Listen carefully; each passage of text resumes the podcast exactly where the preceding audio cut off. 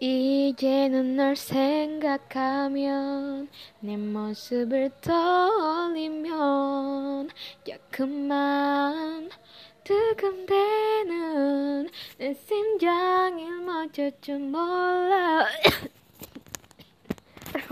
mulai udah, udah mulai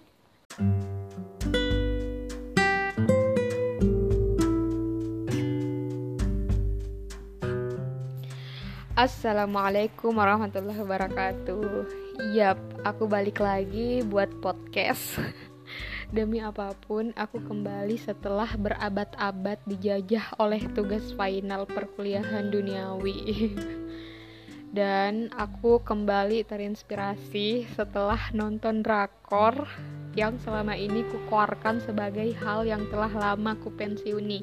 Jadi jadi curhat Jadi judul podcast kali ini tuh cukup deep banget ya.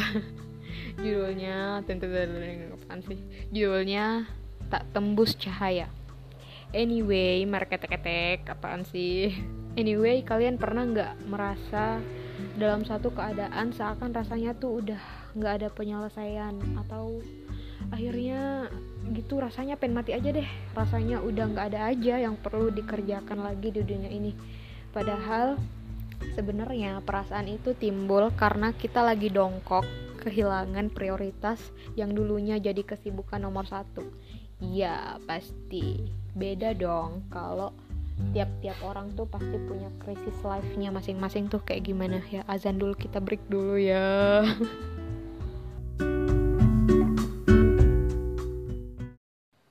Oke, okay, aku balik lagi setelah jeda azan ini tuh standar bahagia itu apa sih? Karena jika hanya berandal materi duniawi saja, maka mana mungkin Jepang selaku negara berambisi kuat, adidaya, makmur, cerdas, maju malah menduduki peringkat pertama dengan populasi manusia bunuh diri terbanyak dunia. Wow. Lalu gimana kita nih? Negara dengan pemilik manusia yang mempunyai penyelesaian masalah terampuh dunia, tapi tidak dalam hal ambisi semangat maju nomor satu di dunia. Sebenarnya masalah di dunia itu apa sih? Ada negara yang udah pinter kaya, tapi eh penduduknya kok bego bunuh diri. Ada lagi negara yang pemalas, hobi rebahan, e, manusia-manusianya bego, cita-citanya kaya, tapi mereka memilih tetap hidup dan tidak bunuh diri. Bagusan mana nih kira-kira teman-teman? Hmm, berbicara tentang nasihat yang tak ingin didengar oleh pendengar, maka nasihat itu hanya akan berakhir jadi omong kosong belaka. So, kalau semisal menurut teman-teman podcast ini tuh nggak berguna, ya silahkan dihentikan sekarang. Tapi jika kalian merasa ini itu berguna, ya silahkan dilanjutkan uh, tiap obrolan itu kan juga pasti bakal susah banget nyantol di kepala apalagi dalam jiwa yang ketika hal itu sedang tidak lagi menimpa kita. Jadi sebenarnya jika diterka lagi, masalah juga berguna sih biar uh, biar biar nasihat-nasihat biar perintah-perintah Allah dalam Al-Qur'an dan dalam sunnah Rasulullah itu bisa kita iya-iyain aja. Karena sebenarnya kalau tanpa masalah kita tuh bakalan semau-mau kita gitu. Uh, persoal kebijakan kita pada orang lain nih. Kebijakan itu tuh bukan semata-mata obrolan atau bersedia dengar kalau kesahnya mereka. Toleransi itu amat perlu sih ya menurut aku sama orang lain. Kita tuh mestinya bersikap lemah lembut sama orang lain bukan ke diri kita sendiri tapi sekali lagi sekali lagi segala hal-hal yang berhubungan dengan pemikiran positif itu tuh cuman uh, sebatas apa ya seenggaknya kita nggak sampai ditipu dua kali sama manusia yang sama. Kita usaha seimbangin aja sebab seuzon juga dok seuzon juga dosa kan kita diba kita udah bantu eh malah ditipu. Setelah ditipu kita sakit hati pengen balas pengen, balas dendam. Aduh sebenarnya kita sungguh amat lemah ya kan? Oh iya coba inget deh hadis Rasulullah nih. Kok pakai sih? Setelah membentuk tubuh Adam alaihi salam, Allah Subhanahu wa taala pun membiarkannya di surga sampai sesuai dengan kehendaknya. Lalu tak lama kemudian iblis datang mengintari tubuh Adam sambil mengamatinya. Lalu setelah itu ia mengetahui bahwa tubuh Adam itu mempunyai rongga, ya. Maka iblis pun mengerti bahwasanya Adam diciptakan dalam kondisi yang tidak dapat mengendalikan dirinya sendiri. Ini itu dari hadis riwayat Muslim nomor 4727. Nah, sebenarnya iblis tuh udah kenal banget sih uh, sifat manusia tuh kayak gimana, kelemahan manusia tuh kayak gimana. Jadi ya wajar aja karena kita itu manusia kita itu emang punya rongga dan kita emang nggak bisa ngendaliin diri kita sendiri garis bawahi kita nggak bisa ngendaliin diri kita sendiri tapi kita itu tetap bisa milih karena sebenarnya diri kita itu bergerak karena kebiasaan ya biasanya. Kita tuh refleksnya karena kebiasaan dan yang ngebentuk kebiasaan itu adalah tindakan. Dan yang ngebentuk tindakan itu adalah pola pikir. Dan yang ngebentuk pola pikir adalah apa yang masuk di mata dan di telinga. Iya kan? Jadi itulah sebabnya mengapa dalam Islam itu emang super diatur semua sih. Karena ya itu lagi demi kebaikan kita kita disuruh menundukkan pandangan, kita disuruh untuk mendengar yang baik-baik saja, dan ini tuh bukan karena Allah e, ngebatasin kita, nggak apa, ngebuat kita nggak berekspresi dengan seluas-luasnya itu cuman buat keamanan kita karena sekali lagi manusia itu memiliki tubuh yang emang nggak bisa mengendalikan dirinya sendiri. Oke, okay. itu intronya ya.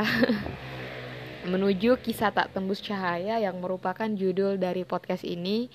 Ayo kita coba deh tengok kembali kisah sejarah Nabi Yunus alaihi salam. Kita mulai kisahnya dari firman Allah Subhanahu wa taala dalam surah Al-Anbiya ayat 87 sampai 88. Dan ingatlah kisah Zunnun atau Yunus ketika ia pergi dalam keadaan marah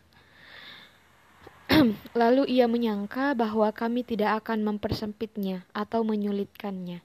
Maka setelah itu ia menyeru dalam keadaan yang sangat gelap bahwa tidak ada Tuhan selain Engkau, Maha Suci Engkau. Sesungguhnya aku adalah termasuk orang-orang yang zolim.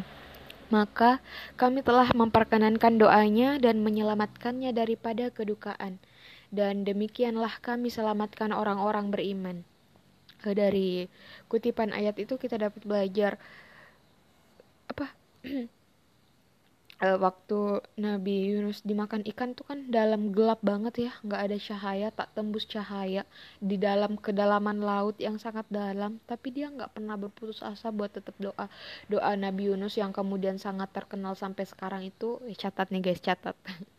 La ilaha illa anta subhanaka inni kuntum minaz zolimin lalu Nabi Yunus tuh apa nyebut doa itu tuh dengan sangat lembut sangat dalam sangat penuh penyesalan sangat penuh permohonan maaf. Yang arti dari doa itu ialah maha suci engkau sesungguhnya aku adalah termasuk orang eh bahwa tidak ada Tuhan selain engkau maha suci engkau sesungguhnya aku adalah termasuk orang-orang yang zalim. Deep banget kan Oke, okay, sejarah tentang Nabi Yunus ini kemudian uh, akan aku kutip dari buku hikayat karangan buku hikayat Nabi Yunus karangan dari Mega Hikari Aminah. Singkatnya bahwa Nabi Yunus yang telah berulang-ulang kali memperingatkan kaum Niwana namun mereka tetap tidak mau berubah dengan alasan karena Nabi Yunus bukan berasal dari kaum mereka. Ya mirip-mirip sama Nabi Muhammad juga sih kenapa ajarannya nggak mau diikutin ya e, pengikut Nabi Yunus tuh cuman ada dua orang yaitu Rubil yang memiliki sifat yang alim dan bijaksana serta Tanuh yang memiliki sifat sederhana dan tenang wow it's so awesome sampai akhirnya Nabi Yunus pun berputus asa untuk menasehati kaumnya. Lalu suatu hari Nabi Yunus bersiap-siap hendak pergi meninggalkan kaum Niwana. Dia mengingatkan kaum Niwana untuk yang terakhir kali agar segera bertobat karena akan datang azab jika mereka jika mereka tidak segera bertaubat. Wahai kaum Niwana, Sesungguhnya aku peringatkan kepada kalian bahwa jika kalian masih tetap menyembah apa yang kalian sembah saat ini, Allah akan menurunkan azab yang sangat pedih atas diri kalian. Oleh karena itu, cepatlah kalian bertaubat, semoga Allah mengampuni kalian semuanya. Lalu Nabi Yunus pun pergi. Keadaannya setelah pergi dari kaum Niwana pun menjadi sangat tidak menentu. Nabi Yunus mengembara ke sana ke sini tanpa tujuan dengan putus asa dan merasa sangat berdosa. Akhirnya dia sampai di tepi pantai dan melihat sebuah kapal yang akan menyeberangi lautan. Ia menumpangi kapal tersebut. Namun, ketika kapal itu sedang berlayar, tiba-tiba terjadilah badai yang sangat hebat. Kapal itu berguncang dan para penumpang sepakat untuk mengurangi beban dengan membuang salah satu dari di antara mereka ke laut. Wow. Qadarullah, undian pertama jatuh pada Nabi Yunus. Undiannya kemudian kembali diulang hingga para, hingga pada undian yang ketiga, nama yang keluar adalah nama Nabi Yunus. Beliau pun tersadar bahwa itu adalah kehendak Allah. Nabi Yunus pun dengan sukarela menjatuhkan diri ke laut. Allah kemudian wahyukan kepada ikan Nun atau ikan paus yang kemudian Zunnun menjadi julukan dari Nabi Yunus untuk menelan Nabi Yunus. Lalu di dalam perut ikan Nun, beliau pun bertobat dan meminta ampun kepada Allah dan meminta ampun kepada Allah dengan mengharap pertolongannya. Dia bertasbih selama 40 hari di dalam perut ikan nun. Wow, bayangin 40 hari dalam ikan nun. Doanya itu ialah kutipan dari surah, surah Al-Anbiya tadi ya. La ilaha illa anta subhanaka inni kuntum minaz zolimin. Tiada Tuhan selain engkau. Maha suci engkau. Sesungguhnya aku adalah orang yang telah berbuat zalim. Lalu setelah 40 hari sebenarnya doanya Nabi Yunus itu benar-benar menggetarkan arasnya Allah karena dia tuh berdoa dengan sangat lembut dan tahu nggak sih waktu Nabi Yunus dikeluarin dari perut ikan atas izin Allah tuh uh, Allah tumbuhkan uh, buah labu di sana agar Nabi Yunus memakannya. Jadi uh, sekarang tahu kan kenapa Rasulullah itu suka banget sama uh, buah labu uh, apa ya um, Rasulullah itu kan suka banget sama sesuatu sesuatu makanan yang sehat ya dan itu sebenarnya labu tuh baik banget buat kesehatan siapa nih yang suka makan sayur labu kayak aku oke aku lanjut nah dari sepenggal kisah Nabi Yunus kita bisa belajar bahwa dalam gelap yang tidak tembus cahaya pun tetap masih ada harapan cahaya itu bisa muncul bahwa walau dalam lautan terdalam pun Allah masih tetap tak pergi dan mendengarkan kita. Jangan berputus asa ya. It's okay yang sudah berlalu. Selama kita mau berubah, it's okay. Ayo kita berusaha bersama-sama. Seperti terowongan yang bertepi, di dunia ini tak ada cinta dan luka yang abadi. Jangan terlalu bermimpi pada apa pun yang terlihat di dunia ini. Peganglah tali ini, tali abadi tanpa tepi dengan harapan besar akhirat duniawi. Sebab jika kita berpegang pada tali yang lemah atau pada ideologi yang lemah, pemikiran yang lemah, pada hal-hal yang bersifat sementara, seperti anak, istri, suami, harta, jabatan, bla bla bla bla. Yang hal itu tuh sebenarnya kemudian bisa pergi ses sesuai dengan batas mana periode ia kita miliki.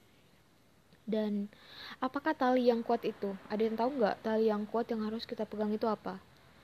Kira-kira tali itu adalah sesuatu yang mempunyai sifat yang abadi. Kira-kira seperti itu ya biar kita nggak pernah ngerasa kehilangan. E, baiklah aku sebutkan bahwa uniknya manusia itu begini ketika jatuh hati. Maka manusia itu tak akan peduli pada omongan yang lain lagi diperintah apa saja pun dituruti. Tapi sialnya kita tak pernah bisa tahu pada siapa kita tak pernah bisa tahu pada siapa rasa luar biasa ini diberi. Benar bahwa rasa tak bisa diatur dan dikendali sebagaimana sapi tak bisa memilih susunya harus berwarna hijau, warna-warni pelangi.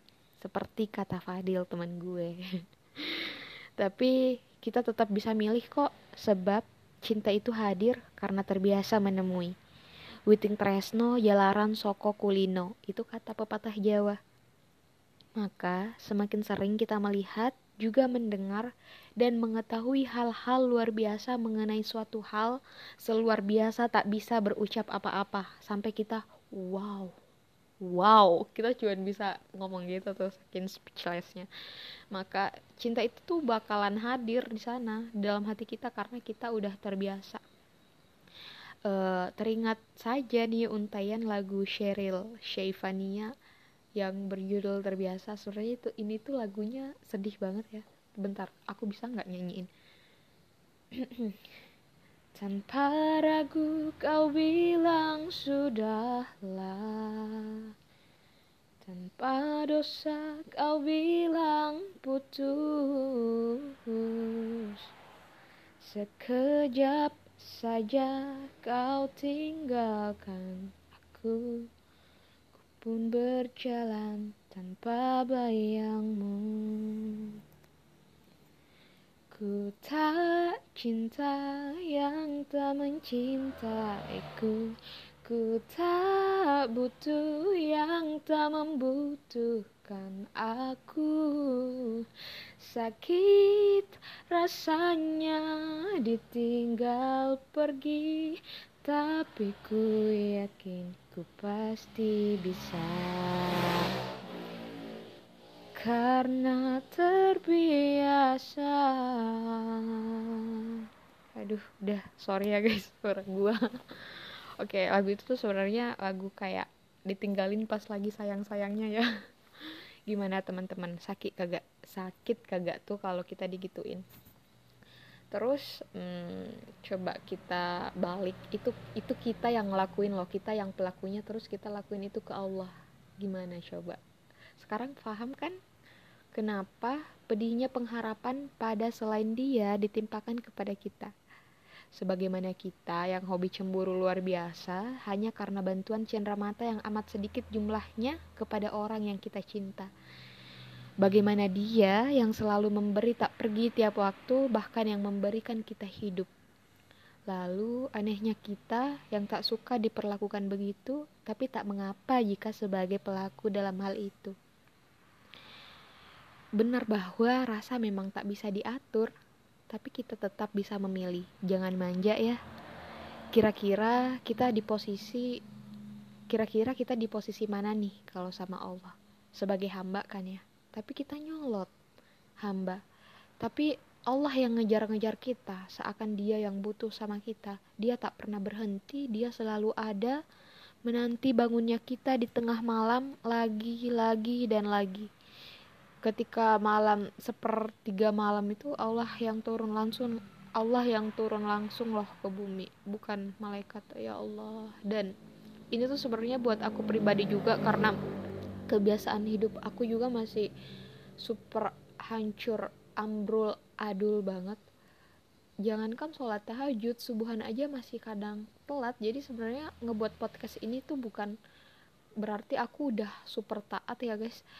Tapi ya buat nasehatin aku juga pribadi ya aku malu banget kok aku bisa ngomong gini tapi nggak bisa ngelakuin. Aku kayak orang Bani Israel dong orang Yahudi dong. Aku dengar tapi aku tidak taat. Itulah uh, kutipan perkataan dari umat Bani Israel yang banyak dikutip di Al-Quran kan. Yang Bani Israel itu memang umat yang super bandel banget. Dia tuh dikirimin udah banyak banget nabi. Nabi Musa bahkan sampai Nabi Isa itu pun umatnya Bani Israel ya kan? Aduh sekarang tahu kan bahwa janji untuk orang beriman dan bertakwa uh, dia tak akan merasa bersedih hati apalagi sampai galau, stres dan pengen bunuh diri. Itu semua bukan sekedar janji omong kosong belaka. Iya, sebab harapannya ada pada yang abadi. Sakit pun tak masalah, miskin pun tak masalah, jelek tak masalah, kaya sanggup mengimbangi, rupawan mampu menjaga, apa pun keadaannya tak masalah. Asal dia tak pergi dari hidupku saja. Itu kata orang beriman. Itulah pikir orang yang sedang jatuh cinta juga. Sangat relate kan dengan pikiran orang bertakwa? Itulah sebabnya Allah titipkan rasa pada manusia bukan semata-mata agar kita bisa mencintai sesama saja, tapi agar kita bisa agar kita bisa menemukan rasa luar biasa yang tak terbanding harganya. yakni cinta kepada Allah juga Rasulullah. Tapi orang beriman itu pasti bakalan memilih cinta yang lebih berkelas jauh di atas sana. Tidak lagi pada cinta manusia juga jabatan harta melimpah ruah. Maka coba deh ayo kita biasakan diri kita pada yang pasti tak akan membuat kita luka kembali segala hal mengenai dia begitu banyak yang harus ditemukan, digali dan dikagumi. Jangan rebahan terus ya. Kita diciptakan bukan untuk main-main. Pada yang pasti tak mungkin mati dan pergi lagi. Pada yang terkuat yang dapat melindungi. Pada dialah Sang Maha segala maha. Kuharap kita memendam cinta yang sama hingga bersama bersebab dia yang kita cinta. Menjadi bukan hanya kita berdua di dalam cinta yang sama, tapi melibatkan dia penguasa alam semesta. Wow, keren gak tuh? Jangan menyerah ya. Ku tetap di sini, melewati proses menjadi menanti bertemu dengan Dia. Allah, jika beruntung, mungkin kita bisa bersama atas izin Pencipta. Jadi, nikah itu bukan tujuan hidup ya, tapi jalan agar kita bisa lebih mencintai Dia. Sekali lagi, karena alasan cinta yang berbeda, berbeda dari manusia kebanyakan, dengan kelas yang amat berbeda sekali lagi. Bisakah kita melakukannya? Tanya hatiku ya. Tut tut tut. Putus ya. Halo. Halo. Kawanku. Hai, makhluk sejenisku. Halo para manusia pribumi. Apakah kini kita sudah mengetahui? Semoga saja kita mampu menuju ke sana, tak peduli apa yang terlalui. Bismillah karena kalau kita itu udah super trash udah super percaya sama sesuatu kita tuh udah nggak bakalan peduli lagi. Jadi intinya kita tuh harus nyari pertama kita permantap akidah kita kita permantap iman kita biar kita bisa taat gitu kita bisa dengar dan taat. Pada tiap manusia yang kini berpenghuni semangatlah melewati terowongan bertepi ini. Dengan mati sebelum mati bermaksud terlahir kembali. Ayo kita terlahir kembali dan mati dua kali. Ya, kita matikan diri kita yang sekarang, diri kita yang benar-benar aduh, gua kenapa ya kemarin ya diri yang sejenis itu kita matikan, terus kita hidup kembali sebagai orang yang benar-benar taat kepada Allah. Ini itu tentang memberi adalah suatu kebahagiaan ya nggak sih kalau kita memberi sesuatu kepada orang ketika orang berkata makasih ya sebenarnya ada terima kasih itu menurut aku adalah kata yang powerful banget sih dibanding kata maaf ya. Karena itu menandak, menandakan bahwa kita itu berguna gitu loh. Itulah sebabnya mengapa memberi itu membuat kita bahagia dan menerima hanya akan membuat kita selalu merasa bersalah tapi bukan berarti juga kalau orang ngasih kita sesuatu kita tolak mentah-mentah gitu ya. Enggak kita terima aja kita doain dia semoga uh, Allah lipat gandakan uh, kebaikan yang ada pada dia. Amin amin ya robbal alamin. Maka uh, dari itu pantas saja kan bahwa Allah itu selalu berkata bahwa perintahnya itu adalah hal-hal yang mudah-mudah buat manusia karena sebenarnya perintah Allah itu adalah hal-hal yang kita sukai semua sih. Tapi ya kita punya nafsu dan nafsu itu kayak emang benar-benar memutarbalikkan segalanya. Apa fitnahnya fitnah dunia tuh emang hebat banget sih. Bahkan sebelum dajjal keluar aja kita udah susah banget ngebedain mana air dan mana api. Hmm, segalanya terlihat begitu dalam ketika kita makin berpikir tentangnya Teringat lagi perkataannya dalam kutipan surah Al-Baqarah ayat 216. Boleh jadi kamu membenci sesuatu, padahal ia amat baik bagimu, dan boleh jadi pula kamu menyukai sesuatu, padahal ia amat buruk bagimu. Allah mengetahui, sedangkan kamu tidak mengetahui. Wow, so sweet, so deep. ah, kehidupan yang penuh teka-teki cantik di mana-mana ini. Sungguh sempurna engkau yang merancang semua di langit dan di bumi. Robbi, Tuhanku ya Robbi. Allahu Akbar. kamulah satu yang tak mungkin bisa terganti. Sekali lagi, ini sekali lagi ya, pada tiap manusia yang kini berpenghuni, diriku sendiri. Semangatlah melewati terowongan bertepi ini. Mari kita tuntaskan semua yang kita mulai di, di dunia ini. Dimulai saat kita akil balik kemarin, kita review lagi. Kita udah ngapain aja sih? Seriously, mau bermanfaat dengan sebaik menjadi manusia yang taat pencipta? Atau seriously, mau terusan begini, nyesel, dan memiliki perasaan yang menyiksa diri sendiri dengan perasaan bersalah kembali. Ayo deh coba pada diri kita sendiri. jangan tegang, jangan tegang. Dunia aja ini cika. Nah bilang anak muda ya di Tanah Bugis Makassar. Dunia aja ini cika.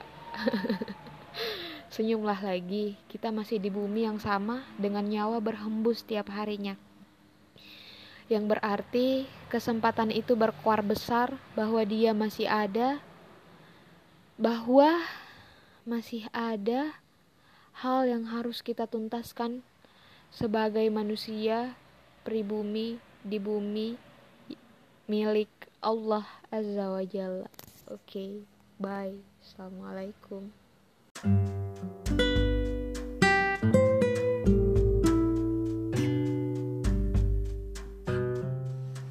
Eh tunggu, aku balik lagi.